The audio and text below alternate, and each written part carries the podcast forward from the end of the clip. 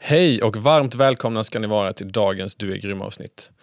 Idag ska ni få träffa killen med mjukisbyxor från Sumpan, nämligen Nils Berg. Killen som lever för att inspirera andra. Detta gör han bland annat genom att börja varje morgon med att ta en kalldusch och detta har han gjort de senaste 600 dagarna. Vi kommer få höra Nils berätta om en ganska vanlig uppväxt eh, med vänner, familj och fotboll. Men där det en dag hans liv vändes upp och ner i och med att han var med om en terroristattack i Frankrike. Och detta fick honom att se hans liv på ett helt nytt sätt. Genom sitt driv och sitt otroliga engagemang har han kunnat ta emot eh, priser och utmärkelser inom entreprenörskap. Men det har också lett till att han har ett samarbete med svenska fotbollslandslaget. Och även gjort så att han har kunnat släppa sin egna musik på Spotify. Idag lever Nils sin dröm och driver aktiebolag ihop med sina bästa polare. Hans motto är att man ska skita i normen, för där är konkurrensen som högst. Och vi hoppas att ni är taggade på ett riktigt guldavsnitt. Nu kör vi!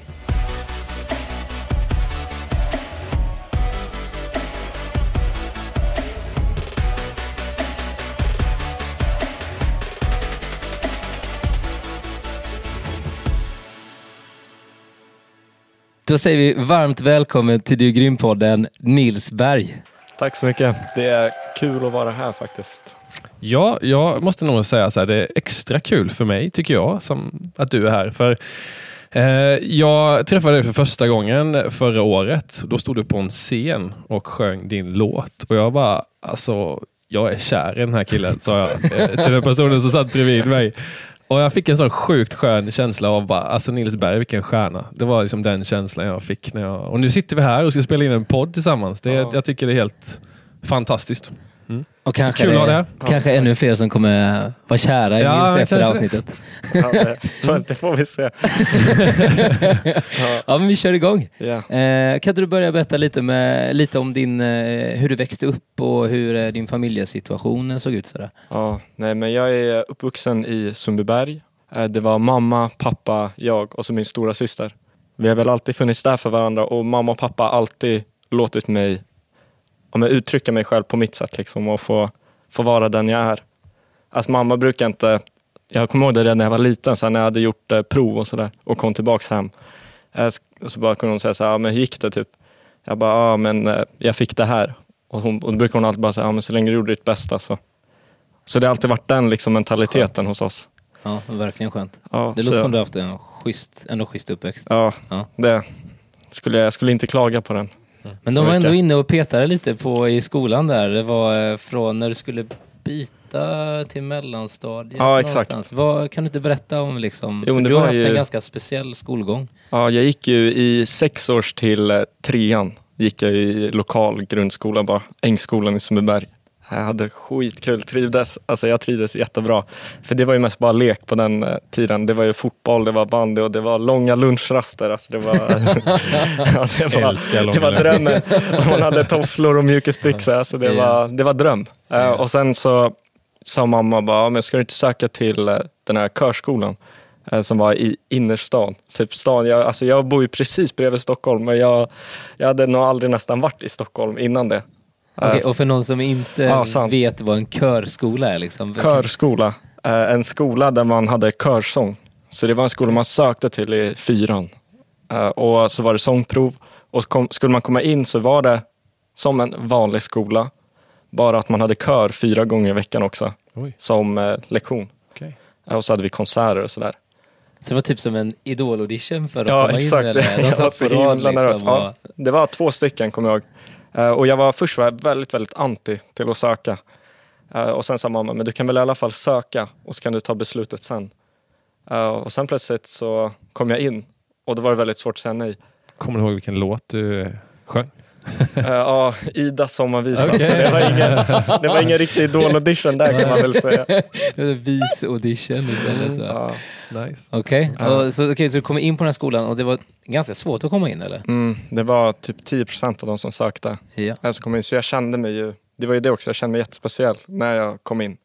Uh, så då var det bara ännu svårare att säga nej för att det, det kändes liksom, det här kan jag, jag måste i alla fall testa, tänkte jag. Uh, när jag väl hade kommit in, för i värsta fall är det väl bara att byta tillbaks. Eh, men det var också, hela livet på något sätt flyttades väldigt mycket där från trean till fyran.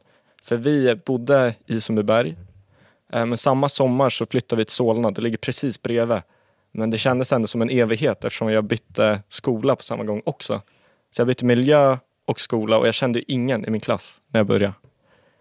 Eh, så det vart en, det vart en rejäl omväxling att gå från att ja, men egentligen bara varje dag gå runt i Sundbyberg och hänga och spela fotboll till att plötsligt ta buss in till storstan och sjunga. Och det var en helt annan mentalitet bland ungarna där. Ja, hur var den skillnaden? Jag, så här, du, du hade sån här gött killen från Sumpan med mjukisbyxor liksom. Rakt in i innerstan där. Var... Nej, men det var väl, jag skulle säga att det var mer, det var mer prestige framför allt. Eh, folk var mer medvetna, eller kanske de kanske egentligen inte var så medvetna med vad de ville, men de hade fått höra av sina föräldrar vad de borde göra i alla fall. Till exempel bli läkare och ja, jag ska plugga. Så redan direkt var folk, vad ska man säga, skolade att jag ska ha bra betyg. Eh, och folk kom ju från hela Stockholm, vilket var coolt på vissa sätt att få vänner i hela Stockholm. Eh, men det gjorde också att man, det var väldigt svårt att hänga med varandra efter skolan. Mm. För det var ju så långt mellan varandra. Eh, och en annan stor skillnad var väl att i den klassen, eller i den skolan, Adolf Fredriks musikklasser, så är man ju, jag vet inte hur det är nu faktiskt, men då var det att man var 20 tjejer i varje klass och 10 killar. Eh, Okej. För att det passar kören bättre i högstadiet. Mhm. Alltså det var så här körpreps-grejer. Ja, exakt. Vi ska ha Eh, 10 killar och 20 tjejer. Ja, och sen, ja, det var i alla fall den förklaringen jag fick, men det kanske var att det var fler tjejer som sökte också.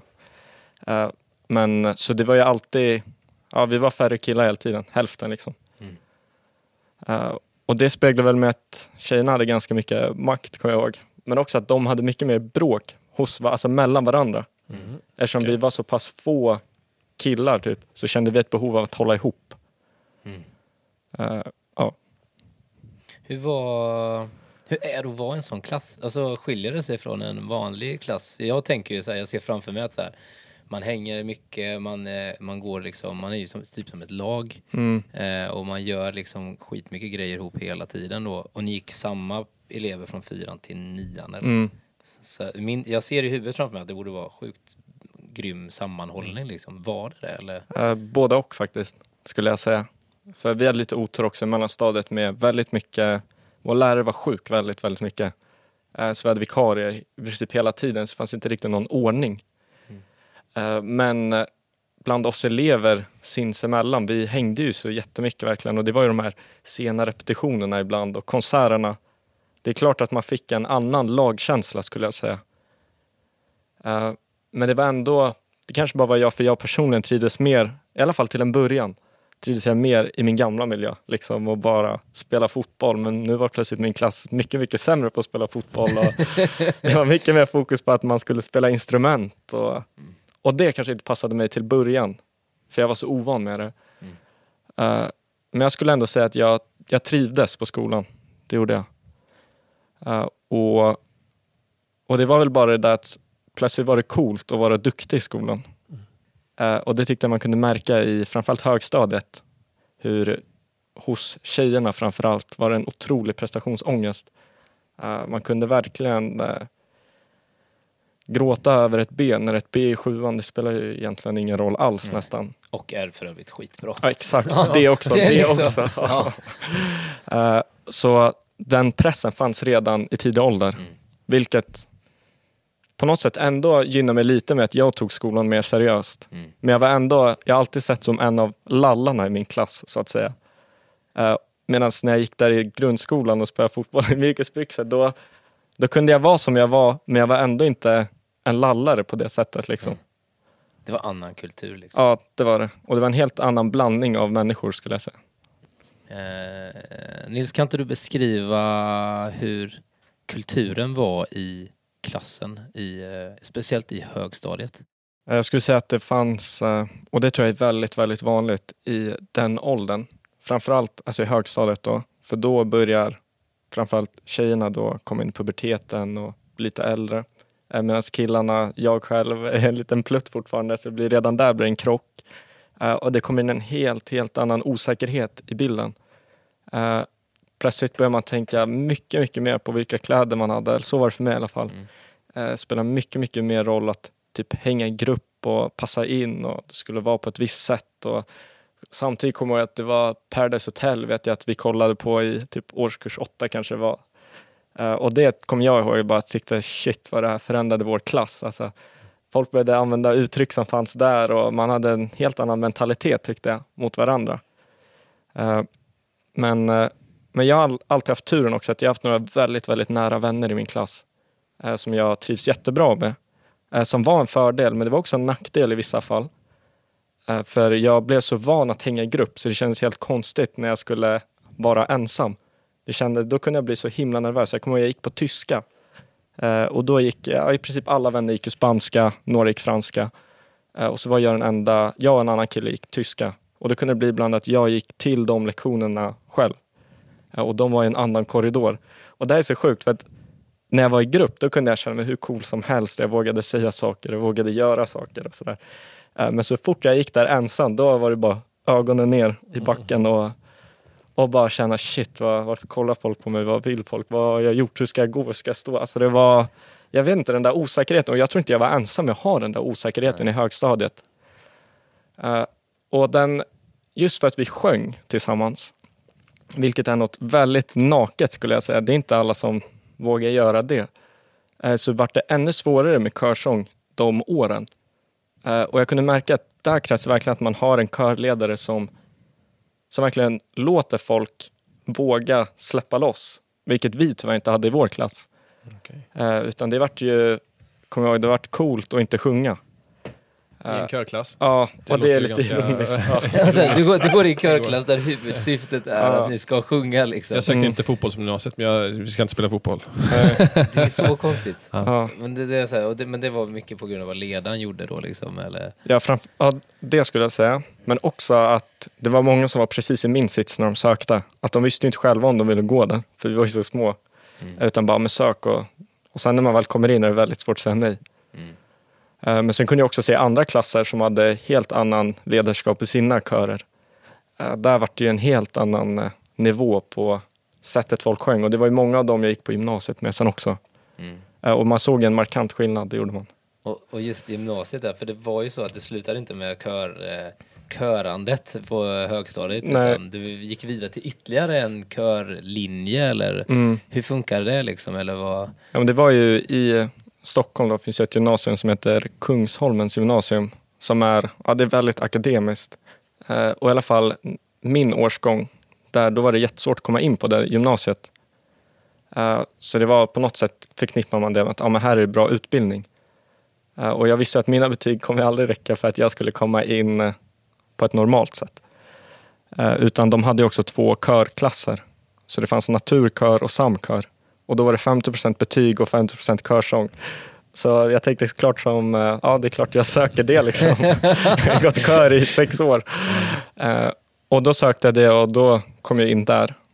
Uh, men det stod ju också, för jag sökte ju musikproduktion. För jag, jag gillade musik, det gjorde jag. Kör kanske inte var min grej. Mm. Jag, jag gillar att sjunga och jag gillade den här känslan av att stå tillsammans Eh, Eh, och typ ha tränat tillsammans och sen få stå inför en publik och uppträda och känna att jag är med i någonting större. Eh, men det fanns mycket runt omkring musiken som jag ville utveckla ännu mer. Eh, så jag sökte musikproduktion också, kom in där. Och så stod det mellan dem så här, shit, ska jag välja musikproduktionen som leder till en ja, sämre utbildning, men jag skulle få göra någonting som ja, jag verkligen tyckte om. Eller skulle jag välja kören där jag får garanterat bra utbildning, men eh, jag kommer inte kunna satsa helhjärtat på musiken. Eh, men så kom jag fram till typ att så här, nej, då i stunden så kändes det bättre att bara safea i mitt fall. Jag tänkte precis säga det. Jag tror mm. du kanske också valde tryggheten. Ja. Precis på samma sätt som när du gick i grupp med dina kompisar i skolan så mm. kände du liksom en trygghet. Men till ja. tyskan så var du liksom, då var du osäker liksom. Ja. Och det kan ju vara samma sak här. Skulle du gå musikproduktionslinjen, nu ska jag själv producera kontra att nu ska jag gå i en kör liksom vid fortsatt lagtänk liksom. Ja, och någonstans visste jag också att om jag väljer musikproduktionslinjen, då måste jag verkligen satsa på min musik. Eh, för annars kommer det troligtvis bli att jag kommer behöva plugga ett år till någonstans. Och mm. Eh, jag kommer vara en helt annan, ja, men jag kommer vara omotiverad till att plugga. Jag kände att det var den atmosfären på den skolan. Så högre risktagande om du hade kört musikproduktionen. Mm. Ja. Och så visste jag inte då, för jag hade inte tänkt ordentligt på... Alltså musikproduktion var bara något jag tyckte var kul. Mm. Eh, som jag bara kände att jag var inte redo att ge allt för det här. Mm. Utan det var bara... Det var, liksom, det var en kul grej. Mm. Men det blev körsången. Du börjar på Kungsholmens och Mm. går där och du har valt din trygghet. Och, Ja. Eller den kanske lite safe-vägen. Ja. Liksom. Det är fortfarande en sjukt bra väg men kanske safeare nu med facit i hand. Liksom. Mm. Eh, och du hela första året eh, löper på där. Liksom. Och sen blir det sommarlov och du är med om en ganska traumatisk upplevelse. Mm. Eh, kan du inte berätta vad som hände? Jo, men det var i... Eh, jag skulle börja tvåan, så det var i sommaren innan årskurs två på gymnasiet. Eh, så var jag i eh, Nice, Frankrike, med familjen. Skulle fira mamma fyllde 50 år. Hon fyllde år samma dag som nationaldagen i Frankrike, så vi tänkte om vi kan fira den där. Och så var vi då på nationaldagsfirandet i Nice på stranden. Precis samma strand och precis samma dag som det kom en lastbil och körde över, typ, jag tror det var runt 100 människor. Men vi var, stranden var väldigt bred och det var verkligen, det var hur mycket människor som helst där. Eh, och bilen började köra, man kan säga från höger sida, medan vi stod nästan längst till vänster. Så precis när showen var slut och vi började gå hem till hotellet, då körde lastbilen på andra sidan. Eh, utan att vi ens visste om det i stunden. Utan plötsligt såg man ju bara hur folk började springa. Alltså folk, jag har aldrig sett folk bete sig som djur på det där sättet. Folk var helt tomma i blicken och bara sprang. Eh, men vi hann ganska fort till vårt hotell. Eh, Och vi var ju safe liksom. Eh, Men så kom jag att det började komma massa rykten om att terrorister hade tagit gisslan på olika hotell. Eh, Och så låg jag där och tänkte bara shit, kommer det, kommer det terrorister till vårt hotell nu, då är, då är det över. Eh, Då är livet slut. Och jag bara kände då i stunden att shit vad jag inte är redo att dö. Så att det, ja, det var som också så här, jag hade lite som, jag hade tjafsat lite med en tjej hemma i Sverige. Eh, vi hade varit ja, typ från och till lite. Och så kände jag där i stunden bara att våra problem, våra små konflikter, alltså de är så oviktiga i slutändan. Varför är vi inte bara ärliga mot varandra? Varför, eh, varför håller vi det här inom oss istället för att bara prata? För nu i stunden spelar det ingen roll ifall du tyckte den där var lite snyggare än jag. Eller så alltså det, ja. Och jag började tänka på så mycket jag ville göra som jag inte hade gjort. Uh, och så började jag tänka typ så här, men varför har jag inte gjort det? Vad har stoppat mig från att göra det? För vems skull gör jag inte det jag vill? Eh, och jag kunde inte sätta namn på det. Det finns ju ingen. Vadå, ska, för mammas skull har jag inte gjort det jag vill. Eh, för min bästa väns skull har jag inte gjort det jag vill. Nej, det är bara påhitt alltså. Det finns i huvudet. Det är ju det är normer. Alltså, det är, Mm. Jag hade fått för mig att så här man ska vara. Men för vem? Mm. Det förstod jag inte. Och jag kände bara, nej. Det där, eh, jag ska inte följa för vem längre. Jag ska göra min grej. Mm. Jag ska göra det jag vill. Det låter som att du eh, tog lite mer ansvar för din egna och slutade sätta upp eh, begränsningar för dig själv på något Mm. vis. Ja, Så, som det är lätt man kanske gör själv, men också andra som man lyssnar på andra på något sätt som gör att det sätts upp olika hinder att jag inte kan, eller jag inte ska, eller jag inte bör och Ja. allt sånt där. Och så. för det var verkligen så. Mm. Jag Ja. tänker också att livet bara flyter på. Man kanske inte är så här, ja men man gör det som förväntas liksom. Mm. Man drömmer lite smått liksom. Men eh, om ingen så säger, men fan gå för dina drömmar nu liksom, så gör man kanske inte det. Nej, och jag tänkte tiden att det kommer rätt sen. Bara, Ja. Det kommer en tid efter gymnasiet, det kommer komma, jag kommer bli 30, jag kan göra när jag är 40, jag kommer bli pensionär. Men där såg jag verkligen att döden är på riktigt. Alltså den, det kan ta slut när som helst. Uh, och jag har ju vänner som har fått uppleva döden alltså i familjen och så på ett helt annat sätt än jag. Som har förstått det här också, att det, det kan verkligen ta slut när som helst. Mm. Uh, och livet är verkligen inte något man ska ta för givet. Det är en gåva. Uh, s- ja. Jag, tänker här, ja, em, det här är en rätt viktig del i, i väldigt mycket i rätt många människors liv. Så här, att, vad är den största skillnaden tycker du därifrån att, ja, vi pratade om nyss att det här med vi tänker och drömmer och hoppas och önskar lite så här, men att, Mm. att det blir oftast en tanke bara. Vad var skillnaden som du gjorde? För jag tänker att nu, det handlar väldigt om vad man gör, Mm. men vad gjorde du annorlunda skulle du vilja säga därefter? Mm. Först ska jag säga väl att det var, jag började faktiskt inte ändra mitt beteende helt direkt Nej. efter. Utan det var där jag bara kände, nu ska jag sluta.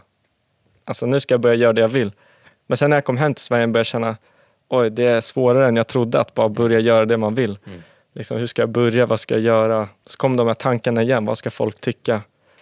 Uh, och jag lät ju faktiskt gå. Jag hade den där dialogen med mig själv uh, inombords. så, alltså egentligen ett halvår, ända till årsskiftet. Uh, det, ja, det hände lite grejer och då kände jag nej, nu är det droppen. Så här, nu, nu tänkte jag att jag kan inte bara gå runt och tänka att jag ska göra det längre. För det, var, det gick från att jag inte ens tänkte på det. Alltså jag tog det så här, innan Niss kan man säga att jag tänkte inte ens på att jag bara passade in. Jag, jag tänkte att det är, så här, det är klart man gör det. Liksom. Sen tänkte jag nu ska jag ändra mig. Och sen vid årsskiftet då bara, då gjorde jag det. Då var nu ska jag verkligen göra. Uh, och då är det viktigt att, det var inte så att jag slutade vara rädd för saker eller någonting sånt. Alltså det var riktigt obehagligt att börja visa sin egna si, alltså vad ska man säga, börja visa sig själv. För, alltså den man verkligen är. För då kan folk plötsligt börja döma den du faktiskt är. Mm. Och det går ju rakt in i hjärtat på ett helt annat sätt, på gott och ont. Ja, på gott, verkligen Ja, på gott, på gott och ont. Mm. Ja.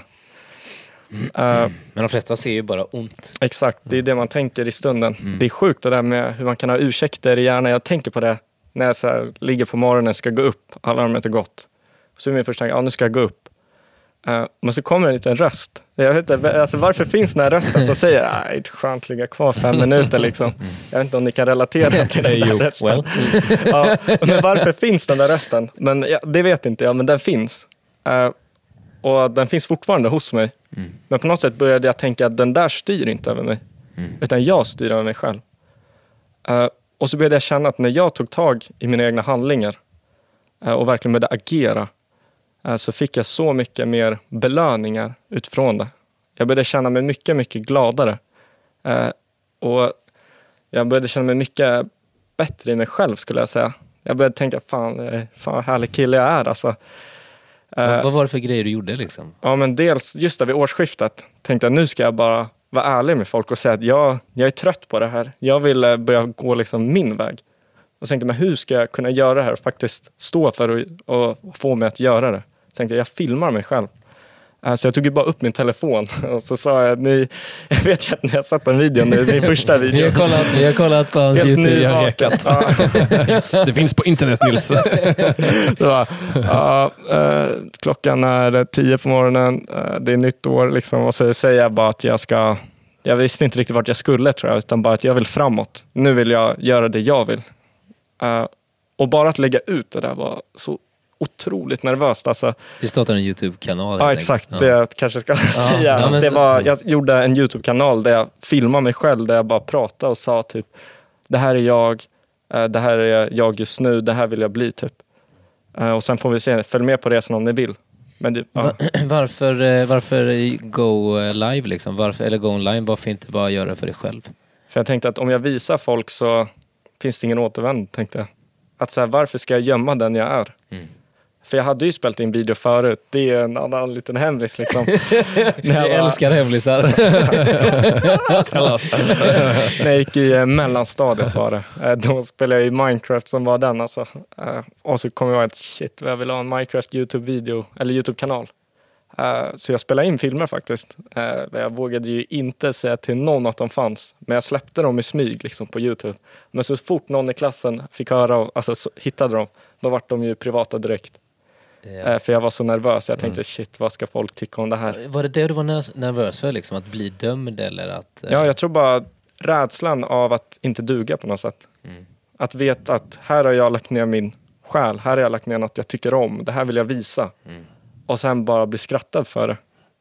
När egentligen folk kanske inte ens skrattade åt mig även i mellanstadiet. Utan de kanske till och med skrattade med mig. Men jag förstod inte det då. För jag tänkte bara det värsta. Typ det modigaste som finns, att våga vara sårbar. Ja. Att, eh, och, och, okej, så här i gymnasiet eh, så, så har du fångat det här modet och bara nu, nu kör vi liksom. Mm. Och vad, vad hände sen liksom? Ja men det var, jag fortsatte lägga ut en video varje dag, en period på typ två månader. Eh, Eller varje vardag var det. Eh, Och jag bara, som sagt, jag kände, jag blev mycket gladare, jag kände mig mycket modigare och livet började typ kännas meningsfullt. Även om det var som en illusion för mig. Alltså jag hade ju bara bestämt mig för att nu ska min liv ha en mening, jag ska göra de här filmerna, jag ska berätta om, jag ska någonstans, oh vad spännande typ. Eh, Men det kändes bara så mycket roligare. Som att jag vaknade varje morgon och kände att nu har jag en agenda. Det vill säga att nu hade jag någonting att se fram emot varje dag. Mm. Eh, så jag fortsatte med det och jag började få kommentarer också, kommer jag ihåg, både på Youtube eh, och på Instagram. Att folk bara öppnade upp sig till mig och sa Wow Nils, jag relaterar verkligen till det du snackar om i dina videos. Och det är bara coolt. Jag hade gärna gjort något liknande. Jag började så här, det var så konstig känsla med att på något sätt visa vem jag faktiskt var och sen få den responsen av folk. Och att förstå att vi är mycket likare varandra än vi tror. Bara att vi pratar aldrig om saker med varandra på det sättet, så vi Nej. fattar inte det. Hade du förvä- alltså var det någonting som du hade räknat med skulle Nej. hända? Om, så här, om jag går online här nu så kommer folk att börja responda på det här liksom. Nej, jag tänkte bara, jag lägger ut det så jag inte har någon återvändo. Ja. Eh, och så får folk tycka vad de vill, för jag visste att jag gjorde det för min egen skull. Ja. Eh, och så blev jag faktiskt, jag blev positivt överraskad, det blev jag. Eh, och sen fortsatte det, tvåan, årskurs två fortsatte. Eh, och jag kände typ, även om jag började få lite kommentarer sådär, så kunde jag känna ändå att shit vad jag drömmer högt. Och nu var jag så här öppen om att jag drömde högt. Men ändå kunde jag känna att det är så många som inte gör det. Uh, och jag kunde ändå känna att, att jag kände mig på något sätt väldigt annorlunda jämfört med många klasskamrater och min omgivning och typ missförstådd. Att folk inte förstod mig. Uh, och sen såg jag det här uh, att man kunde driva sommarföretag. Så tänkte jag, det är klart jag vill göra det här. Här är någonstans jag får utmana mig själv och skapa något eget. Eh, så jag sökte det. Jag fick göra det på sommaren då. Träffade jag Staffan Taylor heter han. Kanske någon som lyssnar på det här som eh, träffat honom. Stor, stor kung, för de som inte vet vem man är. Ja. Legend. Och så kommer jag ihåg den första dagen, jag skulle gå in, göra massa high-fives och bara tänkte, vad är det här för miljö liksom? Vad är det som händer liksom? Ja, första han säger, ni får göra precis vad ni vill när ni lyssnar på mig. Ni kan ligga ner under bordet, ni kan eh, stå upp, ni kan... För han bara, "Ja, jag själv var någon kille med spring i benen liksom, jag vet hur det är. Och då kände jag mig direkt träffad liksom, här är någon som förstår mig. Han hade också mycket energi låter det som. Ja, Mm. och jag, det var plötsligt någon äldre så jag kände att här, här är någon, här är typ en förebild kan man säga. Ja. Eh, Så fick jag höra hans resa och tänkte shit, han är ju galnare än mig. Eh, Men han är äldre än mig och han har visat att det går. Mm. Och, jag, och då började jag förstå att så här, wow, det är, det är inte jag som är galen bara som gör någonting. För det var ju det också, att jag var så himla, jag trodde så mycket på det jag gjorde.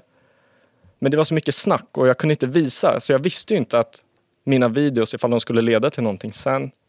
Eller ifall, hur ska man förklara det? Typ så här, Men kunde du typ känna dig ensam i din resa där? Även om du var fett Mm. motiverad liksom. Kunde du ändå känna så här, bara, "Åh, det, bara, det här är jag mot världen typ? Ja, och jag kunde känna att det fanns en osäkerhet. att Jag visste ju inte vart jag var på väg. Nej. Alltså en gång har jag bara inbillat mig att det här är, det är så här man ska leva, men det är bara en alltså, illusion. Typ. Ja. Men sen såg jag Staffan, det blev som ett bevis. Här är någon äldre som är lika galen, eller till och med galnare, Ja. eh, som på något sätt har lyckats. Eller man ska säga. Han, kan, han kan leva på det. Ja. Och han kan stolt stå här till oss och säga att det här är det jag gör. Ja. Eh, och då kände jag bara, wow, nu vill jag bara ännu mer. Eh, så då gick jag all in i sommarföretagandet, eller i alla fall i entreprenörskapen. Eh, för jag insåg att det, det är ett ställe, eller vad ska jag säga, entreprenörskap är ett område där du gynnas jättemycket av att våga vara annorlunda. Eh, våga agera fast det känns i magen. Precis som när man ska hålla ett tal inför klassen i högstadiet. Där kunde du verkligen ta, ta emot. Alltså jag kommer ihåg det när man var den sista som skulle snacka. Alltså, det gick inte att lyssna på någon. Alltså, man satt ju bara och repeterade första meningen. Jag så nervös. Jag Jag har hört någonstans att det så här kallas krypande döden när man sitter så här i en ring. Och någon bara, "Okej, nu kommer det närmare mig, det kommer närmare. Och bara, oh, Ja. Man har inte hört någonting om vad de andra har sagt. Nej. utan man bara tänker på vad man ska själv ska säga. Och så här, typ, behöver upprepa för sig själv vad man heter. Så här, jättekonstigt. Så liksom. Ja, exakt, man har glömt bort vad man heter. Ja, alltså, jag, jag att kan inte låta bli här bara känna så här att jag, jag hör bara att du började skapa dig själv. Du gick från Mm. att leta efter vem du var, är, till att bara, okej, shit, nu, nu gör jag det jag känner för och så skapar jag mig själv någonstans. Och Får jag så, se vart det leder? Ja. Ja. Mm. Och så tänkte jag bara, jag försökte hela tiden bara tänka det löser sig, jag tar en dag i taget, det kommer bli bra. Och det hände ju bra saker, men det var ändå, jag hade ingen att se, alltså det fanns ingen bevis på att det här var rätt väg. Det bara kändes bra på något sätt. Och sen fick jag se Staffan och så kände jag, wow, jag är inte ensam. Eh, och som sagt så bara fortsatte jag med entreprenörskapet där, att så här, jag ska våga skapa, ska våga utmana mig själv. Eh, och- jag fick sån himla kick, för att, så här, att våga agera eh, fast det tar emot inombords, fast man har den här rösten i huvudet, så nej, det här är jättepinsamt. Alltså att ändå göra det och se att wow, det var ju inte farligt alls, nu vill jag göra det igen. det stärker, i alla fall stärkte min självkänsla så otroligt mycket. Det kunde göra min dag. Mm. Bara så här utmana sig själv med att på tunnelbanan titta på någon och le. Alltså det är jättekonstigt men att ändå våga göra det, det, det kan göra en hel dag. Alltså. Men ni var lite eh, wild and crazy där du och, och David. Eh, han gick väl samtidigt som dig va? Ja. Eh, ni kan inte berätta, det är en så sjukt Ja, rolig det- story. När, För Staffan, han fick ju verkligen igång den här, Staffan och Emma då, vår andra coach, de fick igång den här känslan av att här kan man göra precis vad man vill. Här ska man utmana sig själv. Eh, och så var det en kille i vår grupp som tog det till nästa nivå. Alltså. Han, eh, vi gjorde ju sommarföretag då, skulle ju pitcha våra affärsidéer. Och det är när man säger vad man ska göra på ja, typ så kort tid som möjligt egentligen. Eh, och så tänkte han, ja men jag, jag ska göra det här på ett sjukt sätt. Så han gick på en buss. Jag tänker en buss där det bara sitter främlingar liksom. Så ställer han sig eh, vid- bredvid chauffören och säger så här. Hejsan, jag heter David. Jag driver sommarföretag eh, och jag tänkte berätta till er vad jag ska göra. Och alla, så här, vissa fortsatte bara lyssna på musik, andra bara va? Och vissa fick ju superstor respekt för honom på den där bussen. Och så körde han och jag tror han fick en applåd också. och, så, och, och enligt honom så sa han också att han fick liksom Ja, det, hjälpte, det gynnade hans sommarföretag för det var någon från Telia som satt där som sa ja men det här var ju sjukt, nu ska du få min mail liksom. Eh, och det roliga då att det smittade av sig. Han gjorde det här och han bodde i Huddinge. Halva gruppen bodde i Solna, halva i Huddinge. Så nästa dag när alla från Huddinge åkte hem tillsammans på pendeln, då körde de en efter en på pendeln. Och så la de ut en film i Facebookgruppen och jag tänkte, vad är det här för människor? Alltså, här har vi folk som förstår att man ska, Ja. man ska utmana sig själv, Ja. för det, det är så himla ofarligt egentligen. Så Jag bara, åh, nu måste vi stanna lite på detta. Alltså, där ser man verkligen effekten av vad när någon gör och att, vad det kan sprida för eh, Kalla det våg eller vad, alltså, sådär. Och likadant tvärtom när det är liksom en dålig eh, att det händer dåliga saker, att det finns människor som vill sänka varandra och sådär. Hur, hur lätt det blir det, men också hur man kan göra annorlunda. Han vågade och sen bara smittade av sig på Ja. alla andra och så blev det, ni typ lät det nästan som tävlar om vem som kunde vara modigast i det här Mm. fallet. Så, ja, det är sjukt coolt. Ja, det är en eh, till övning jag kom på nu som också verkligen eh, var mäktig att få göra där. Det var att vi hade en penna tror jag vi alla började med och så skulle vi på typ en och en halv timme försöka byta upp det till så bra som möjligt. Och då tänker jag som svensk så här, det går inte att köra byteshandel i affärer i Sverige liksom. Men det är klart det går om man bara vågar. Eh, Så vi lyckades byta upp den här pennan till, jag kommer inte ihåg vad det var för grejer, men det var en del. Och en grupp kom tillbaka med en vas. Och jag tänkte det här, det är som en helt ny syn på livet. Alltså typ någon slags dyr Ja, eh, du har fått den på någon så här Stockholms Stadsmissionen eller någonting. Men det var ändå sjukt att Ja. de gick från en penna till att komma tillbaka med, till en, med en vas. Liksom. Ja. Eh, och, och det gav mig bara så mycket nya perspektiv. Ja. Eh, och jag verkligen uppskattade den där miljön. Eh, och det tror jag de märkte också, coacherna. Så jag fick ju turen att åka till SM i sommarföretagen ändå. Du fick guldbiljett Ja, exakt. och kom till Masters i Mm. Gnosjö. Mm. Hur var det? Att det var maxat. Det var som det jag berättar om just nu, den känslan fast gånger hundra skulle jag säga. Eh, och det jag verkligen tog med mig därifrån, det är att jag insåg att wow, det finns verkligen folk i min egna ålder eh, som är, typ, inte- kanske inte är exakt som mig, men liknande mindset, som gillar mig för den jag är och som jag gillar för dem, den de är. Bara att de kanske inte fanns i min skola. Eller så fanns de bara att de var inte redo att våga visa sig så här. Men jag förstod där i stunden att jag hittar de här människorna genom att våga visa vem jag är. För jag hade aldrig hamnat på Masters om jag inte vågade bjuda så mycket på mig själv som jag gjorde med mitt sommarföretag. Uh, och jag bara kände, jag kan inte få nog av det här. Jag vill ha mer. Jag vill ha entreprenörskap. Det här är något jag verkligen tycker om och kände att jag ändå var bra på. Uh, så jag bestämde mig för att driva UF i trean då också. Så det var ju det här, allt det här som vi snackar om nu hände ju på sommaren eh, inför trean. Ja. Och sen till trean så bara, "Aj, nu, nu blir det UF. Så innan det här så var det så här, nej, entreprenörskap, vad är det liksom? Till att jag ska köra UF. Mm. Och då kan man så här, tänker man så här, det måste funnits en massa folk då på din skola som körde UF. För att, hur kommer man på det annars? Nej, Det är en bra fråga. Alltså för att jag kan säga så här, det året jag drev UF på min skola var det 20 av 1300 elever som gjorde det. Alltså, det är så sjukt.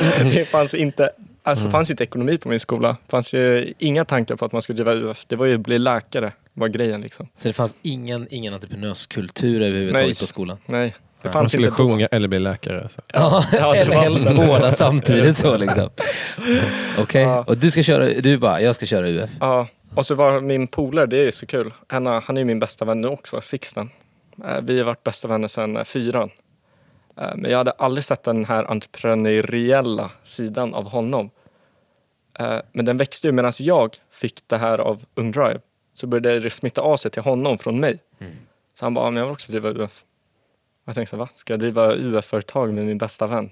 Typ så här, kommer han verkligen göra jobbet? Mm. Och jag, jag hade en tendens då eftersom jag var så himla jag var så himla ny i den här världen och tänkte att ingenting var omöjligt och jag såg mig själv som odödlig på något sätt. Jag tänkte att, så här, att jag skulle jobba så mycket hårdare än honom. Alltså det var, jag trodde för mycket om mig själv på samma stund som jag trodde för lite på honom Mm. genom entreprenörskap. Mm. Eh, Men så bestämde vi oss att vi kör. Alltså vi var de enda i vår klass då. Så vi var två av 20 på hela skolan som drev det här. Eh, Och så bara gav vi allt i UF. Alltså vi, hade, vi gick inte ens på lektionerna, UF-lektionerna, för att vi hade, så, vi hade så mycket annat. Och vi kände att vi får mer utav att gå på möten och sånt efter skolan än att gå på de här lektionerna. Och det här liksom, det är något avtal ni hade med era lärare? Ja, liksom. exakt. Att, Ja. för alltså, det var ju så oseriöst på vår skola. Mm. Jag gillade läraren. Han var sån här som sa, jag kommer inte säga om jag tycker det är bra eller dålig. Sa han till alla oss. Eh, för att det är ofta jag har fel. Alltså, så här, det handlar ju om hur ni gör det. Alltså, ni får göra precis vad ni vill. Så länge det inte bryter mot reglerna. Mm. Eh, och så kommer jag stötta er. För att han kan ju inte säga så här, det där är bra, det där är dåligt. Mm. Han kan ju säga sin åsikt, men han vill inte ens säga den. För han ville låta oss här, tro på våra grejer. Jag vill inte färga er liksom. Nej, exakt. Ja, nej, är, jag bara så här, som lärare blir jag typ lycklig när jag hör det här, för det är så rätt. Ja. Alltså, det är ju precis så man bör göra, tycker jag. Ja, så han lät ju oss ha helt fria alltså, tankar och drömmar. Vi sa ju så här, om vi ska samla in fotbollsskor till ekonomiskt utsatta ungdomar. Det var liksom vår plan. Han bara, eh, okej. Så jag tänkte, hur ska ni kunna göra ett UF på det? UF handlar om att tjäna pengar Mm. eh, och utvecklas. Så, ja. Och så tänkte han, eh, ja visst, kör. Eh, och sen kom vi inte på lektioner på kanske två, tre månader. Och sen, bam, kommer vi en dag. Vi lokaltidningen, första sidan. Och så bara, tja. så, och, Hur hamnar ni där? Ja men det är så kul för att den dagen vi bestämde oss för att driva Shoestrings UF tänkte vi ska samla in fotbollsskor. Alltså det var det enda vi tänkte, vi ska samla in fotbollsskor eh, till ekonomiskt utsatta ungdomar. Och så kör vi. Vi tänkte okej hur ska vi börja? Vi börjar bara. Hur ska vi tjäna pengar? Ja det tänkte vi, alltså vi hade typ några så diffusa att någon ska skänka sponsorpengar, det ska vara gåvor. Jag vet Ja. inte. Så det, var, alltså det tänkte vi att det löser vi sen. Först ska vi få in skorna. Ja. Så vi bara, kom, första vi gjorde var att gå in på Allsvenskan och skriva ner så här mailadresser till olika allsvenska lag. Och så bara ringde vi. alltså där kommer Sigge och jag brukar tänka på det ibland för det, det är sånt minne. Vi satt utanför skolan, så efter skolan. Så varannat samtal och så peppade vi den andra. Fick typ inga svar men det spelar ingen roll. Alltså, vi var igång liksom. Eh, Ni gjorde en massa grejer. Ja. Liksom. Ni, ja, precis, ni skapade det. Ja, och sen plötsligt fick vi ett möte med eh, ordförande för division 1, tror jag den hette, ettan fotboll. Det är den tredje högsta herrdivisionen i Sverige. Och då skulle vi snacka med honom om vår idé att samla i fotbollsskor. Vi bara, ja men vi kör. Och så efter det där samtalet satt han och jag bara, eh, vad ska vi snacka om på det här mötet? Vad ska vi göra? Hur ska vi kunna göra något med dem? Så här, vad har vi gett oss in på? Så här, vi ska till hans hotell när han är på besök i Stockholm. Snacka om någonting vi knappt vet själva vad vi gör, för vi bara körde. Hur många nej hade ni innan ni fick det här första? Det var många, det var det. Och jag kan säga att det här mötet gick, alltså, ledde ju inte till någonting. Nej. Alltså så här, rent skomässigt, vi fick inga skor av det. Men det var med att det verkligen fick oss förstå att så här, wow, saker händer om vi bara vågar fortsätta. Mm. Eh, Så då började vi ringa ideella organisationer istället och säga så här, ah, tjena, vi skulle gärna samla in fotbollsskor till er. Eh, De bara, "Ja, okej, klart ni får det. Ja, Liksom. shit. Vem ringer och säger det liksom? Ja, det var ett, framförallt bondade vi med Tillsammans Cup, heter de. Och så hade vi ett mål, de skulle ha en, för det här kanske var i slutet av november tror jag. Och i slutet av december skulle de ha en kupp där målet var så här, ja, vi ska få in 20 skor till den här kuppen. Så ska vi gå runt där under kuppen, ser vi någon utan fotbollsskor, så vi bara, tja, vill du ha fotbollsskor? Ja, så skulle vi ge dem. Shit, vilken fin grej. Ja, och då hade vi plötsligt ett mål. Så här, Nu ska vi ge fot 20 fotbollsskor till det här. Och då var det jätteintressant för tidningen. Eh, och då berättade vi om varför vi började med det här. Om att så här, det var en kille i vårt lag som fick sina skor eh, stulna när han bytte asylboende. För han var ja, nyanländ. Så han sprang ju bara runt i strumpor på en träning. Eh, Och man såg ju hur mycket fotbollen betydde för honom. För det var liksom hans safe space där han fick liksom bara släppa allt och spela fotboll. Och I fotboll, vad brukar man säga? Typ att så här, där talar alla samma språk. Där kände han ju en gemenskap. Och så såg vi bara hur stor skillnad det gjorde honom då när vår tränare kontaktade Svenska fotbollsförbundet eh, och bara, är det någon som har skor till honom? Eh, och så fixade de skor till honom. Jimmy Durmas tror jag var det som skänkte skor till honom. Och då sa vi i en artikel, kan de, kan vi. Och då var det den killen som hade startat det här på SVFF. Alltså vår tränare kontaktade en kille på SVFF och han kontaktade Jimmy Durmas. Eh, Och den killen läste den här artikeln och bara wow. Som de- var i lokaltidningen. Ja, för att Solna, Svenska fotbollsförbundet ligger i Solna. Alltså det hade vi inga planer på kan jag säga. Nej. Utan det här var ju vändpunkten, den här tidningen. Eh, för då läste han det och tänkte wow, de här grabbarna har tagit det jag gjort och gör något av det. Bara shit, det här, det här är coolt liksom. Så han kontaktade oss. Så plötsligt så här, när vi hade en studiedag, det här kommer vi inte glömma, det var ju några veckor efter artikeln. Eh, så bara, hi, contact me, slash Paul Balsom. Vi bara, eh, vem är det här liksom? Varför skrev han på engelska? Söker vi på hans namn direkt bara, oj, han var med i tränarteamet i Leicester City när de var Premier League. Så här, vad fan vill han oss? Eh, så, så vi tog så här mod och vi ringer tillbaks, vi ringer. Så bara, hallå? Ah, hello? Och så, så här, shit. Och han bara, I'm right in a meeting, uh, I called back five minutes. Yeah, så här, shit. Och så bara, vad är det här? Och så berättade han då till oss. Han bara, kom till, kom till Svenska fotbollsförbundet, kom ikväll. Så vi bara, okej. Och så fick vi träffa alla där, så, här, och så fick vi deras gamla skor. Och det, träffa alla där. ja, vilka? det är sant, nu går jag för fort här. Nej, nej, jag vill bara säga, vilka är alla där? Ja, alla där var ju de som jobbar på Svenska fotbollsförbundet. Då. Ja, ja. Så vi träffade Pia Sundhage, jag träffade Janne Andersson. Eh, och det var många där som spelade i, alltså tränade olika fotbollslag nu och hade barn som hade slitna, eller inte slitna men fotbollsskor Använda. som, ja, exakt, som gick att använda men ingen använde längre. Mm. Som de tog med till kontoret så fick vi dem. Eh, och så plötsligt fick vi liksom stämpeln av SVFF att det här är en bra grej. Och då plötsligt gick det från att vi kontaktar folk till att folk kontaktar oss. Ifall vi kunde hämta deras skor. Och så tänkte vi så här, okej. för att vi vill ju att folk ska skänka till oss och det ska kännas jättebra att skänka till oss. Så vi ska leverera liksom toppservice. Så vi åkte alltid ut till kunden, till deras hem. Eh, var så här supertrevliga och bara ah, tack så mycket och gav dem feedback sen, så här, vart skorna hamnade. Eh, och så plötsligt fick man ett nytt så här, messenger till vår grupp, eller till vår Facebook. Och så är man, aha, va? Den här bor ju bara två hus därifrån. Och så var det liksom någon morsa som hade skänkt skor. Och så hade den snackat med grannen. Så hade grannen bara, ja ah, men då vill jag också. Eh, så det vart verkligen word of mouth kallas det. Mm. Eh, och det var så ofattbart att vi satt mål. Vi skulle få in 20 skor. Vi fick in över 200. På hur lång tid? Eh, från kanske början av december till eh, januari där. Så till kuppen hade vi redan fått in över kanske 80 stycken. Eh, men totalt fick vi in över 200 där. Två, Hur, ja, hur var det när du, för ni gick ut sen och delade ut de här skorna liksom på, på kuppen också.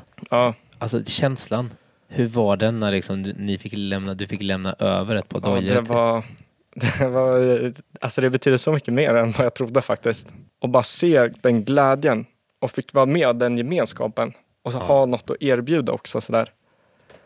Uh, nej, det var, ja, det var mäktigt och det som var ännu mer mäktigt det var att vi jobbade med Tillsammans Cup på deras jullovscup och deras påsklovscup. Eh, och på påsklovet så var det många av de som vi hade träffat på julen som var där. Så hade de våra skor på sig.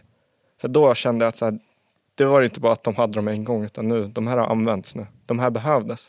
Okej, och härifrån liksom, nu har liksom 200 dojor, insam, Ja. par dojor insamlade och ni har faktiskt fått se eh, ungdomar, ni har fått lämna över dem och liksom folk är verkligen, Mm. de är så nöjda liksom. Och det, fick, det eller- stannade ju inte här liksom. Vad, Nej, berätta vidare, vi vill veta mer liksom. ja, men det var ju, för att hela tiden hade jag i baktanke att jag vill ha mer av entreprenörskap, men jag vill träffa fler sådana här människor som jag träffar på SM i sommarföretagen. Och i UF finns det ju SM.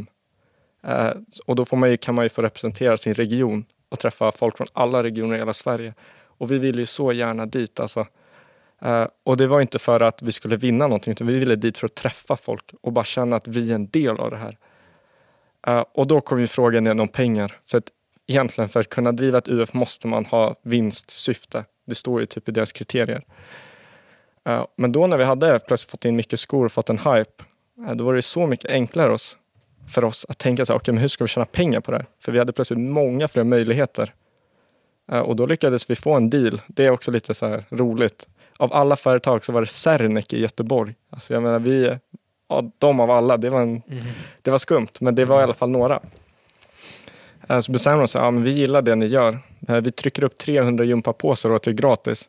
Eh, Vi låter er trycka vilka loggor ni vill på dem. Så kan ni sälja logg, alltså reklamplatser på dem till andra företag. Så sen började vi ge ut skorna i gympapåsar och på dem hade vi sålt reklamplats. Och då var det som Smart. cirkeln var sluten. Liksom. Mm, vi, hade, vi hade ett bra UF, vi hade fått in mycket skor, vi hade fått hjälpa och vi hade fått in pengar. Mm. Eh, så vi kände, vi kom in till regionala tävlingen med en, ja, ett bra självförtroende. Men det var också en sjuk press. Jag, faktiskt, jag brukar inte säga att jag är den som haft prestationsångest. Jag kan fråga till folk ganska ofta, så här, hur känns prestationsångest egentligen? Hur känns ångest? Mm. För jag är osäker på om jag har haft det själv. Eh, men då kommer jag ihåg att då när så många människor hade skänkt skor till oss och vi hade synts i tidningar och då kände jag, jag vill inte göra någon besviken. Mm. Att, så här, att jag ville visa dem att ni har liksom lagt er tid på rätt personer. Eh, och det, var, det blev som en intern strid med mig själv. För det fanns ju ingen riktigt jag kunde prata med det om. Kanske visst Sigge då som jag drev med. Eh, men ja, så både han och jag hade ju den där pressen liksom. Och, Det här blir, tänker jag också, ingen som har sagt att nu måste ni leverera, utan det var ett, ett krav som ni satte Exakt. mot vad folk då, du eller ni trodde folk hade för upplevd känsla Ja. eller tankar om er. för Så det egentligen var, var- det bara ren påhitt. För det Ja. var ju, ja. Det var, det var Mm. verkligen så. För sen kommer jag ihåg på ett Tillsammans Cup där på påsklovet, andra gången vi jobbade med dem. Det var ju efter regionala eh, och den kan jag berätta lite mer om snart. Men då sa jag det till han som ägde, alltså drev hela Tillsammans Cup, ja, Erik. Det var sån himla press där. Eh, Så här, det, var, det var väldigt kul att det gick som det gick, men det var sån otrolig press. För jag ville verkligen visa folk och leverera. Och han bara, Nils, det var exakt likadant för mig när jag började med det här. Men det man måste förstå är att när folk investerar tid i dig eller ger dig saker eller vill hjälpa dig, då har du redan bevisat tillräckligt. Mm. Folk fattar ju att det kan, man kan inte veta hur det går. Mm. Men just nu i stunden så gillar jag det tillräckligt mycket för att hjälpa dig. Mm. Och det ändrade så mycket. För alltså, hur jag började tänka på sådana där saker. Att, Sjukt bra insikt. Mm. Ja. Bra snack av honom. ja, Erik Englund, kärlek till honom. Eh, men vi kan spola tillbaka till regionala Ja, vi igen. vill tillbaka till den här. Ni ska Ja. dit och tävla liksom. Exakt. Och, och, Och vi- Hur gick det liksom? Ja, vi tänkte bara att nu, vi måste ge allt. Så man stod där på mässan en hel dag. Och vi bara, vi ska prata med varenda person som går förbi. Vi ska göra allt vi kan för att komma till, eh, ja, till SM. Så här, vi kan inte ha gett så här mycket det här året för att sen inte våga prata med folk på mässan. Det fanns inte i vår fantasi. Vi tänkte, vi bjuder på oss själva nu. Uh, och ja, vi gav det, vi gav det ett ärligt försök liksom.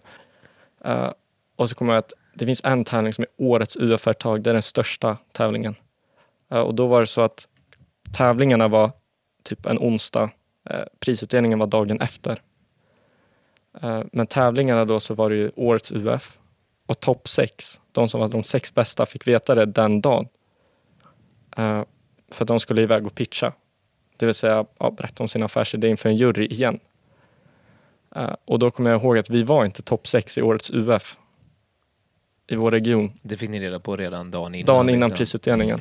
Och så tänkte vi, om vi inte är topp 6 i årets UF, hur kan vi vinna någon annan kategori då? Eh, så efter det vart vi helt tomma. Och så tänkte vi bara, för det här, är det slut nu? Liksom, alla konflikter vi hade haft med körlärare kring att säga, nej, men vi måste jobba med UF, förlåt att vi inte kan gå på det här, men det här, vi måste, vi måste hämta de här skorna. Liksom. Och de här proven vi hade fått skjuta upp för att vi skulle vara på regionala, sådana där saker. Bara, gjorde vi allt det för ingenting? Mm. och alla folk som trodde på oss. För då hade jag ju fortfarande pressen. Bara shit, har svenska fotboll, har landslagsspelarna skänkt skor till oss? För det hände också. Ja, det, alltså, det finns så mycket. Det är ju kan inte bara- kortfattat, ja. kortfattat. Så var det in, inför en spela, inför en match då, eh, här i Sverige i eh, ja, Friends. Så fick vi, han Paul, vår polare, Han bara, ja men kom vi kan ha ett snabbt möte. Vi, ja, sa han en adress till ett hotell. Liksom. Vi bara, okej varför ska vi vara där? Ja, och han bara, ja men typ 1947 eller så här. Så bara, okej varför så specifikt? Och så visade det att just då, just där, så skulle landslagsspelarna gå från sina hotellrum till middagen.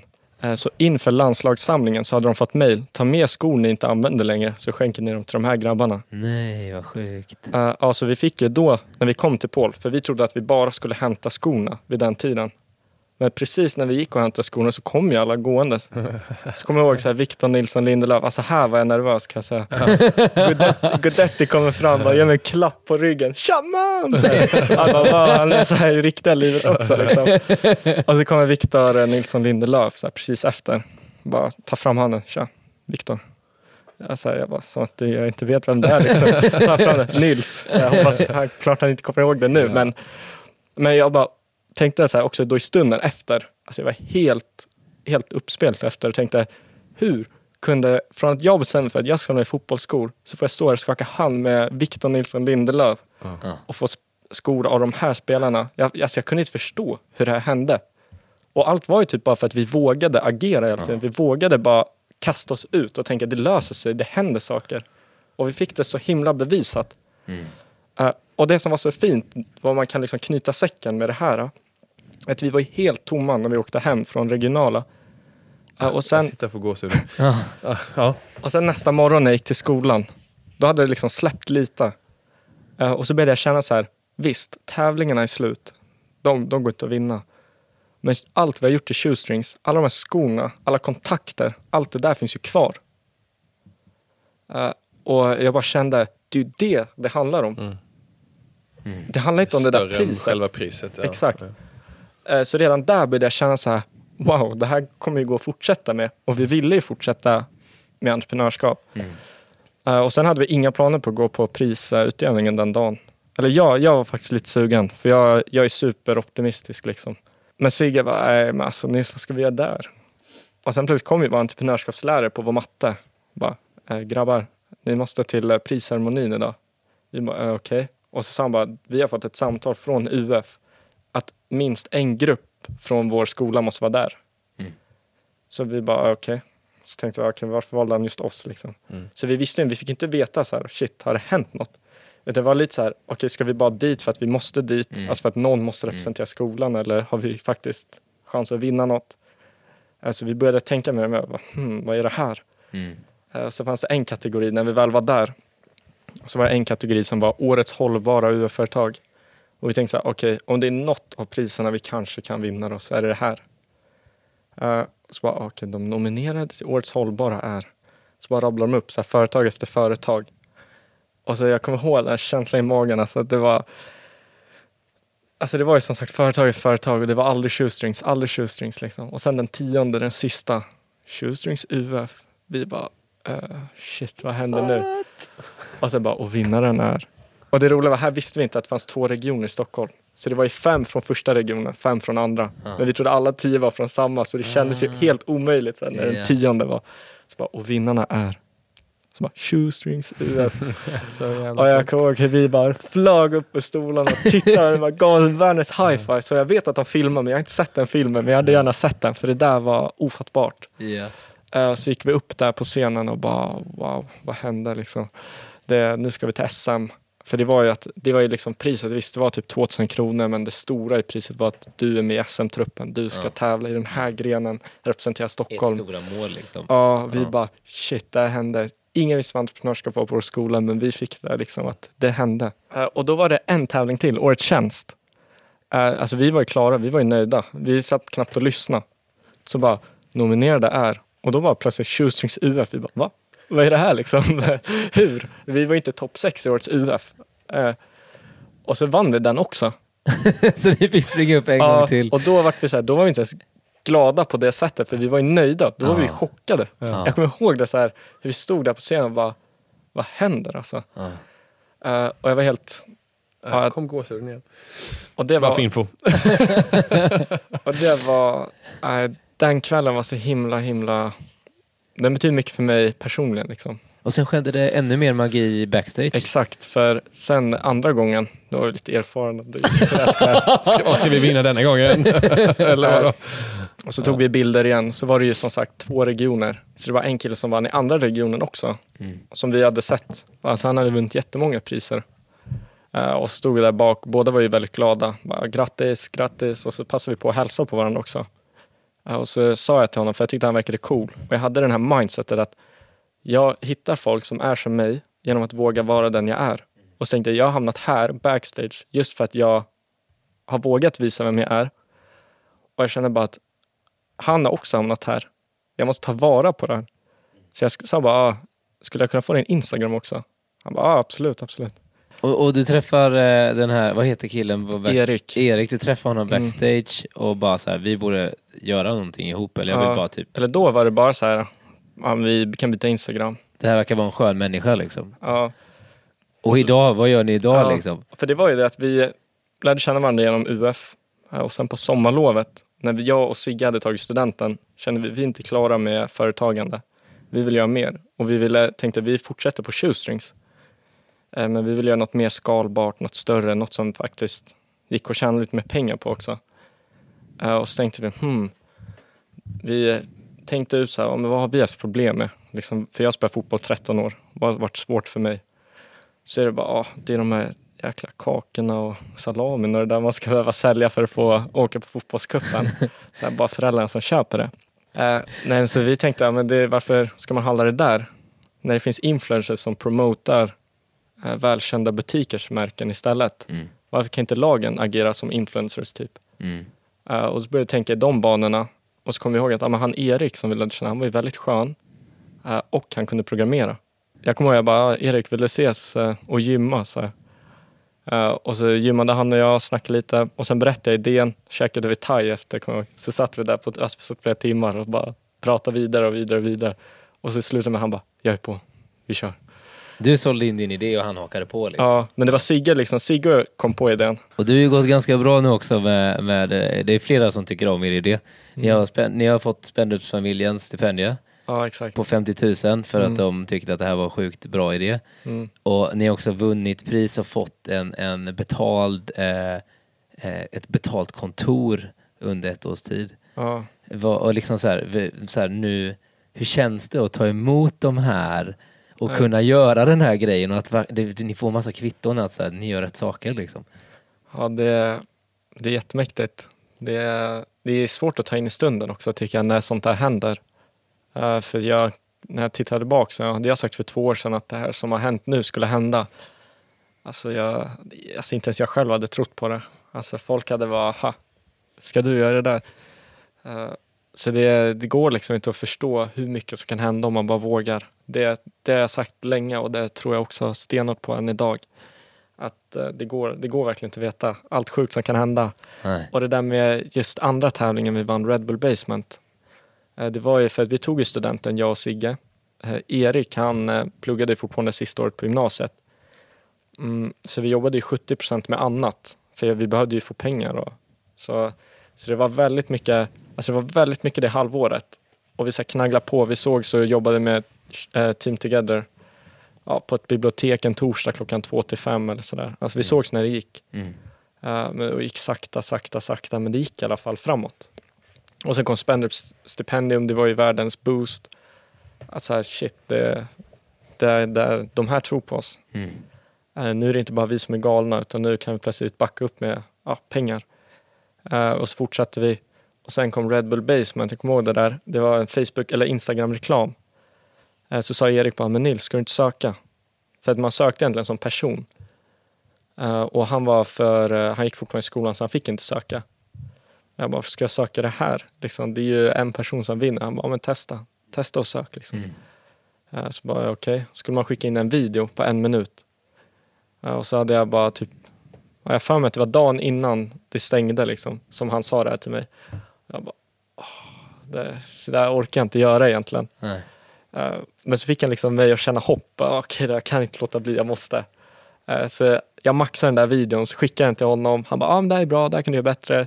Redigera om, skicka igen och så här landade jag på sådär. För han är, alltså han är underbar, han älskar att pusha en liksom. Mm.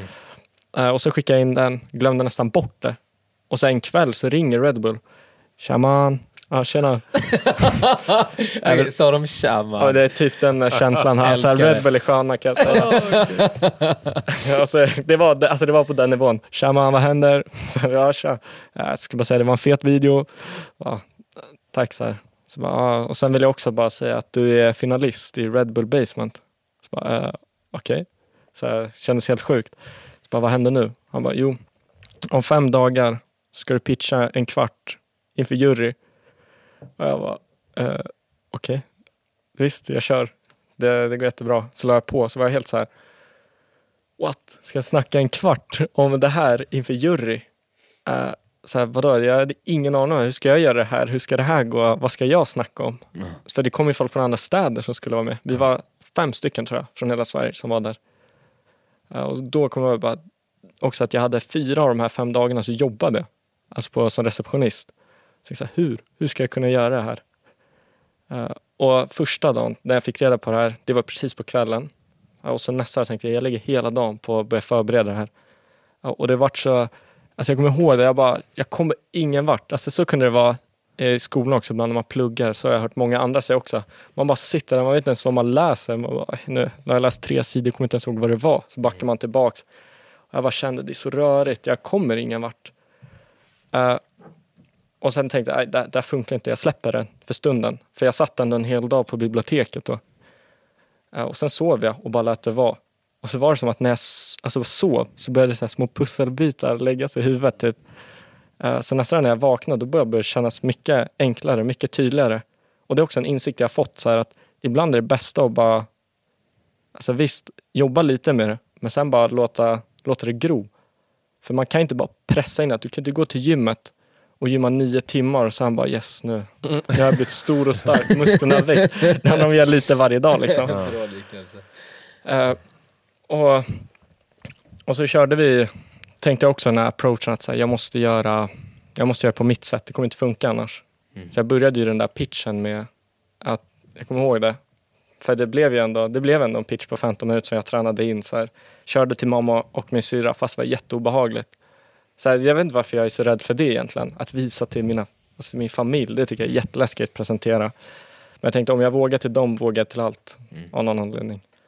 Eh, Så jag körde, och så kommer jag ihåg, jag tror det var mamma som sa till mig bara, Nils, oavsett hur det går, att du lyckas göra sånt här, det kommer hjälpa dig. Alltså det, du måste komma ihåg, det handlar inte om att vinna det här, utan det handlar om att du kan åstadkomma såna här saker. Mm. Jag bara, ja, ah, det är sant. Mm, Så det, ja. Mm. Eh, och sen var det där, och så var det pitchen, så började den med en, bild på en tändsticka som såg ut som en människa. Tänk så här, det här är en kvart på Red Bulls liksom, huvudkontor. Och jag började med att visa en bild på en tändsticka och säga att så här, det här är, för den såg ut som en människa som satt ner. Mm. Så här, det är en perfekt eh, metafor eh, av livet. För den tändstickan var ju tänd. Och så jag, antingen så brinner den ut med tiden eller så kommer en vindpust och blåser ut den när som helst. Eh, och det här var någonting jag själv fick uppleva för några år sedan. Och fick mig att inse att jag ska aldrig mer lyssna på vad någon annan har. Eller så här, och från med det, vad var, jag kommer inte ihåg exakt vad jag sa, men det var något i den stilen. Så här, Mm. Och från med nu ska jag alltid lyssna på mig själv. Mm. Och bara börja den där uh, pitchen då, medan andra kanske bara, hej, jag heter Nils, Ja. Du Det här är mitt deras företag. fulla uppmärksamhet kan man säga. ja. Mm. Men det var också så sjukt obehagligt att börja med det där. Mm. För jag gjorde mig naken. Mm. Alltså jag tänkte så här, om de inte tycker om det här då kommer jag ju ha jättesvårt att urskilja min prestation med vem jag är. Mm. För att min prestation var baserad på så nära vem jag är. Liksom. Mm. Alltså jag kunde känna bara, dug inte jag. Eh, Men det gick i vägen, som tur var. För den gången, det har ju misslyckats massa andra gånger när vi varit sådär öppna och nakna. Men just där så gick det, just Mm. där och då. Så kommer jag ihåg, det var helt sinnessjukt. Så här, jag gråt faktiskt inte så ofta, men då var jag helt eh, chockad efter. För det, ändrade, det var ju en vecka i mitt liv som ändrade ett år. Ja, för efter det sa vi upp oss på våra jobb och bara, nu kör vi heltid. Och jag har gjort sedan dess, sedan januari. jäkla nice. Det är så sjuk Ja. inspiration och eh, jag vill typ bara spinna vidare på inspirationstemat. Ja. Eh, och i, innan, i morse när vi eh, eh, vaknade och jag bängade på hotellet så, eh, så eh, sa Bengan nu ska jag gå in och nu ska jag gå in och vara Nils Berg sa han. och så gick han in och så duschade han kallt så in i bomben och skrek där inne från, från, från, från, från eh, toan där, toaletten. Var, kallduscharna liksom. Mm. Hur lång är din streak nu idag? Åh, Är det tror 600? 627 eller 26 kanske. Så i 627 dagar i sträck har du gjort vad då? Jag har börjat dagen med en kalldusch. Hur kall, vad är en kalldusch? Alltså, kanske 100 dagar in så har det varit det kallaste. Men eh, egentligen för den som så här, vill testa det själv så tycker jag det ska vara så kallt att du inte vill kallduscha. Alltså du vill inte sätta på duschen. Det ska kännas i magen som det känns innan du håller en alltså, presentation inför klassen. Eh, och så ska du sätta på duschen ändå och göra det. För då visar du så här, oh det kan vara läskigt men jag gör det ändå. Eh, och det blev någon sjuk ritual för mig att börja varje dag med att visa att så här, jag vill inte men jag gör det. Eh, för det smittar av sig. Precis som att det där med på bussen, att han pitchar så där och sen börjar alla pitcha. Det kändes som att ifall jag börjar varje dag med det där, då kändes det som dagen var redan lyckad. Och jag ville bara pusha ännu mer. Det var exakt det, det ja, du berättade. jag sitter, ni som inte tittar på detta nu, som bara lyssnar, jag sitter här och nickar. Ja. Liksom, så. Det var precis det. Bengan sa när han kom ut från duschen. Sa han, det sjuka är att det känns som att jag redan har lyckats med en grej idag. Alltså jag förstår, liksom vad, det handlar inte om att många så här kallduschar för att bli pigg. Ja. Ja, ja, det blev jag också. Alltså sådär. Men det handlade om att jag typ övervann någonting, eller jag gjorde någonting som jag, så här, men jag vågade inte det, eller oh, vad läskigt det var. Och så började jag med kalldusch och sen någonstans som man bara, när nästa sak kommer, så tänk, redan då står jag ju förberedd för att möta utmaningar. Så ungefär på den nivån kände jag. Så jag förstod verkligen dig var, varför du fortsätter göra. För när jag stod i duschen så bara, varför gör du det här? liksom. Men jag förstår efteråt, ja. Ja. Jag menar, så Ja. det handlar om att sätta ett mindset. Ja. Är, det liksom, är det det man gör? så här att ja, okej, Det här är mitt mindset idag. Liksom. Och nu har det varit 627 dagar i Ja, sträck. men det, alltså jag kan inte sluta med dem för att när jag tänker på allt vi har snackat om nu. Det är ju saker som har hänt egentligen de senaste två åren. Ja. Och 620 dagar, det är ju typ två år. Ja. Så det är jag brukar säga så här. Börja det- kallduscha Ja exakt, jag säger bara börja kallduscha. Så det är, Jag tänkte så många gånger under de här två åren. Jag, bara, jag skulle nej, inte idag. Jag duschar varmt idag. imorgon. Men, Ja. Ja. jag kanske ska ändra mig. Ja. Men dock för hygien, hygieniska skäl, efter gym och sådär, då duschar jag ju varmt. Eh, men varje morgon, alltså alltid varje morgon, då börjar jag duscha kallt. Ja. Eh, och det, är bara, ja, det har varit så. Och ibland har jag inte ens haft en dusch. Då har det blivit antingen en hink med kallt vatten eller så har jag bara hoppat ner i havet. Eh, och då är, det, då är det precis så här, alltså när man går upp på morgonen till ett hav så det kanske inte är iskallt i vatten men uff vad du inte vill hoppa ner. Nils är den enda som säger så bara, nej, det, det är för varmt i vattnet. Jag tänker inte bada här. Jag måste ha något kallare. Eh, säger ingen någonsin, men Nils gör. Ja. Ja. Men jag tror verkligen som du säger Anna, att det är viktigt att, så här, att hitta någonting att starta dagen med. Typ så här, alltså, någonting, sätta mindsetet. Så här, Vad är det jag vill egentligen? Och Så man sen, bestämmer sig för att det här ska jag göra och så gör man det. Och så nästa Ja. sak man bestämmer sig för, om jag ska ringa den här personen, så Ja. bestämmer man sig för det så gör man det också. Jag tänker att det blir en, du bygger in en väg i huvudet som, ja. Ja, jag tänker också att här, man kan sitta och lyssna på, på hela det här avsnittet och känna shit, jag skulle också vilja göra, nu är jag inspirerad. Och sen så är avsnittet slut och så, så tänker man, fast jag har ingen aning vad jag ska göra. Och så, så känner man sig lite, man kanske känner sig lite hopplös eller, eller att det känns så här, ja, Nils kunde göra men inte jag. Alltså om vi plockar bort hela kallduschen, för det är ju en väldigt enkel sak att göra. mm, Det är ju, du behöver inte vara världsmästare i något, eller du behöver inte ha någon talang. Du behöver bara gå in och ställa dig och göra någonting som du helst inte vill göra. Och det är kanske det som är hela poängen, att man gör någonting. Vi kommer återkommer till det hela tiden. Det Ja. handlar om att göra någonting. Det är då liksom det händer magi. Ja, och vi pratar ju liksom någonting i, i företagande. Vi pratar också, i det här fallet så pratar vi också om att vara en, en bra kompis i en klass till exempel. Eller sådär, att, att Okej, jag gör någonting. Jag ser att han eller hon behöver en kram eller en high five eller ett hej. Eller bara, vill du sitta bredvid mig idag? Eller, det är också liksom så jäkla viktigt och så, så lite ändå som behövs. Du behöver inte göra värsta superstora grejerna. Man behöver inte ha ett aktiebolag innan man liksom ringer första samtalet. Nej. Alltså, att man gör någonting och att det kan vara i så många olika kontext. tycker jag är så viktigt att vi, vi förmedlar, eh, känner jag. Ja. Mm. Och det är just det där med klassen. Alltså det där med att man kan vara schysst. Och jag fick lite rysningar typ nu när jag tänkte på det. Att det var ju det var så mycket i ens huvud. Man trodde att shit vad folk kommer tycka det är konstigt. Och hur kan jag göra det här och vad ska jag göra? Och folk kanske är elaka. Eh, och sen är det så många man har träffat, eller jag har träffat nu efter gymnasiet. Som var på olika ställen. Och så är jag plötsligt inte i hela den här stora osäkra gruppen utan man är ensam med den. Så börjar jag inse så här, wow, det här var ju, han är ju riktigt schysst. Och han tycker ju om mig och jag tycker om honom. Och varför har vi inte pratat så här tidigare? Mm. Eh, och det är det som fått för förut. Om man kollar, jag vet inte om jag säger det i något Youtube-klipp någonstans, men förut sa jag alltid att det finns folk som gillar mig, men de finns inte i min skola.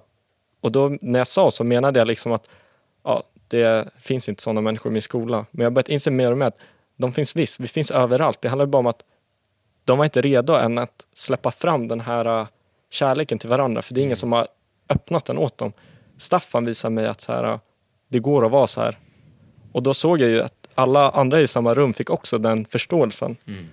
Och, och alla som var på Masters hade den förståelsen Mm. tack vare att de hade haft sommarföretag. Mm. Alla hade varit i samma Mm. slags miljö egentligen. Det var egentligen det som var. Det Ja. var vilken miljö man var i. Och sen Sigge, min bästa vän, liksom. han, han drog sig in i det här och alltså, han, uff, vad han, han inspirerar mig nu. Alltså. För vi driver ju fortfarande tillsammans. Ja, han är också en del av Team Together. Ja, Mm. och han och jag, ja. Men det här, med miljö, det här med miljö, det är ju mycket vad podden heter och handlar om. Alltså vår, Mm. det här konceptet är ju mycket att hur påverkar vår miljö oss? ja. Eh, och då pratar vi inte om liksom, natur och alltså, den sortens miljö utan klassrumsmiljö eller vilka kompisar man hänger med eller vad säger ens omgivning till en när man gör saker. Eh, eh, lyfter de en eller sänker de en liksom och det är ju eh, det är ju ett levande bevis på att när du hamnar i en miljö där du får vara dig själv eh, så bara händer det en massa magi. Mm. Eh, och det är så jäkla magiskt att bara sitta och lyssna på det när du berättar din story. Ja, och ja, det där är sjukt det där med miljö. För att jag tänker på det särskilt i ja, högstadiet, gymnasiet. Att alla, eller väldigt många, är väldigt anonyma och vågar inte släppa fram någonting. Eh, och det finns en osäkerhet i luften hela tiden. På så här, shit kan jag verkligen göra det här? Eh, duger jag? Är jag perfekt? Någon sitter där med världens knas hemma någon sitter med en morsa som kanske är alkoholist men den kan inte prata med någon om det och bara shit kommer folk märka att jag luktar alkohol. Alltså det, det finns så mycket olika problem och interna konflikter alla har men ingen pratar om. Uh, och det blir sån, det blir sån ensamhetskänsla och jag kände den också. Eh, men det jag verkligen tror, eller det jag är övertygad om att det går att göra i skolklassen också som jag har kunnat göra senare i livet. Uh, inte för att det var länge sedan alls, jag gjorde det under då också men kanske inte i skolan. Eh, det är att om man bara vågar prata om saker med varandra uh, och vågar visa att man finns där. Uh, Alltså det, det händer magi där också då, för då får man en helt annan själv... Alltså, hur ska man förklara? Man blir en helt annan trygghet i gruppen. Mm. Om man vet att de här som sitter, som jag spenderar varje dag med typ, de här ska jag överleva tre år med om det är gymnasiet. De här ska jag överleva, jag vet inte hur många år ifall man gått skolan. Mm. Så här, varför kan vi inte bara sätta oss ner och bara typ komma överens om att det är okej att vi är olika. Vi förstår att vi har olika problem, men vi vill varandras bästa. Mm. För det är den där osäkerheten i att så här, duger jag? Shit, hur det här, det är ju alltså, det är allt det där, det är ju det som leder till att man Mm. kanske säger något dumt eller trycker ner någon eller Mm. Inte det, lever att det är sitt liv. enklare än att faktiskt vara, precis, göra precis det du sa. Liksom. Jag vill göra den här ännu enklare också genom att säga så här. att du, Ja, absolut, ska våga prata. mm, Men vi ska också våga lyssna på vad andra säger. Mm. Alltså, ibland kan det vara svårt. Jag vet inte hur jag ska börja våga alltså, prata. Så här. Våga börja lyssna på någon, fråga någon någonting. Som, då börjar man ju prata, men sen för att lyssna. Så att den här, liksom, det krävs ju Mm. en som pratar och en annan som lyssnar. Så vi måste liksom våga, våga göra båda sakerna. Det är Ja. så, eh, så viktigt. Mm. Och jag, kör, jag håller med dig fullt ut. Tänk hur mycket vi kan... Hur långt vi kan komma om det, om det kunde vara mer på det sättet. Mm. Jag tror att det finns så sjukt många som känner igen sig i det här, eh, även undertecknad om jag ska vara... Mm, såklart. Mm. Ja, herregud. Bara, det kan vi, ju- jag tror i princip alla kan Mm. relatera till den här känslan. Mm. Där så här, jag hade en superbra, eh, eh, liksom, i, i, om man jämför liksom skolgång. Men jag kunde känna en otroligt stor osäkerhet på väldigt många olika sätt. Mm. Eh, och vad kan jag prata om, vad kan jag inte prata om och så vidare. Om bara en, så här, för det, det var någonting jag tänkte på nu. Så här, om, om man hör det här eller sitter, lyssnar på det här eller ser det här och tänker så här, ah shit vad jag skulle vilja ha det så här. Vad ska man göra? Hur ska man kunna göra det här Ja. med sin klass eller sina kompisar? Man kanske måste börja någonstans. Vad skulle du säga liksom, hur börjar man? Eh, jag tror det viktigaste är först att man bara förstår att det behöver inte vara som det är just nu.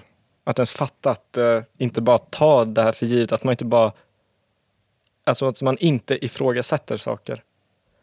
För ett exempel där är typ, jag kan komma ihåg själv så i omklädningsrummet, när jag har kastat ut ord som typ ja jävla bög liksom. Mm.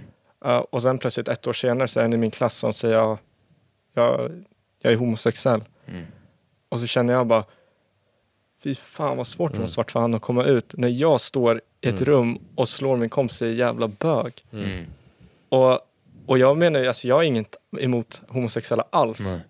Men jag hade inte ens tänkt på varför jag sa Nej. så. Jag har bara hört någon säga så och så säger jag likadant. Mm. Eh, Jag ifrågasätter inte ens mitt beteende. Mm. Utan jag tror man måste börja med sig själv. Mm. Så här, jag måste börja tänka, vad är det jag säger? Alltså hur beter jag mig egentligen? För det är så himla lätt att tänka att ah, det är någon annan som är elak. Mm. Men jag är minst lika elak alltså. Mm. Eh, bara att jag fatt- fattar inte ens att jag är elak. Mm. Eh, men om jag tänker, okej men varför sa jag sådär egentligen? Det är ju inte, det är inte alls det jag menar. Mm. Så det tror jag verkligen är ett tips. Att börja med dig själv. Börja tänka så här. Det är samma sak, bara, ah, ingen säger hej till mig. Så tänker man, men säger jag hej till någon? Mhm. Det är jättesant. Ja. Mm. Det är bra snack. Det finns ju det finns forskning på det där att typ fall jag går igenom en dörr eh, och så håller jag upp dörren till den som kommer bakom. Liksom. Alltså jag ser till att den inte stängs. Då är det större sannolikhet att den personen gör samma sak mot nästa. Mm. Än ifall jag bara skulle låta dörren smälla igen och så behöver den alltså öppna den igen. Då kommer den också bara smälla igen den. Mm. Så jag tror att börja med dig själv Mm. så kommer det bara komma på vägen. Och sen göra som Nils Berg alltid gör. Bara gör det. Att du skulle säga kallduscha. Kanske det man gör på morgonen först.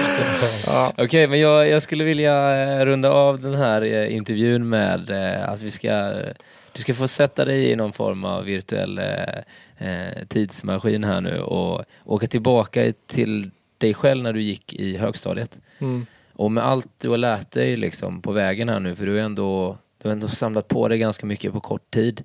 Vad skulle du vilja ge för tips till dig själv när du gick på högstadiet? Och tre saker som du bara, det här hade jag velat säga till mig själv nu med allt jag vet nu liksom. Mm. F- hmm. Ja, jag skulle nog säga om jag spolar tillbaks till Nils i högstadiet. Att så här, ta inte saker så himla seriöst. Alltså, det spelar ingen roll ifall man mössan är lite, lite sned eller inte. Även om det känns som det spelar jättestor roll. Så ja, ta det inte så seriöst. Eh, och, och det kan man säga, typ knyta samman med att vara inte så hård mot dig själv heller Mm.